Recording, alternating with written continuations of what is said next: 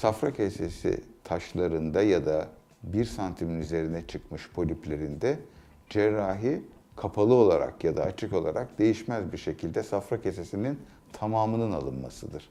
Safra kesesinin içindeki safra kesesini açıp içindeki taşları aldıktan sonra oraya attığımız dikişler yüzlerce yeni taşın oluşmasına neden olacaktır. Bu nedenle kısmi yani safra kesesini açıp içindeki taşları alma şeklinde bir tedavi zor şartlarda ve zor e, hastalarda hayati risk taşıyan hastalarda küçük bir tedavi, lokal yapılacak bir tedavi metodunun ötesine geçmez. Klasik safra kesesi taş tedavisinde yöntem safra kesesinin alınmasıdır.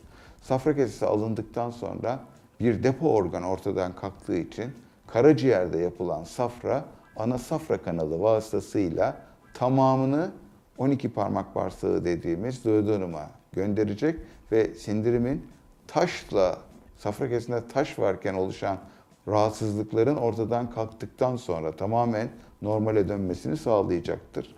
Eğer safra kesesinin içinde taş varsa zaten safra kesesi içinde biriken safra sindirime katılmadığı için ortaya çıkan şikayetler safranın tamamının 12 bar, parmak bağırsağına akmasından sonra tamamen ortadan kalkacaktır. Kişi günlük hayatına hiçbir şey olmamış gibi devam edecektir.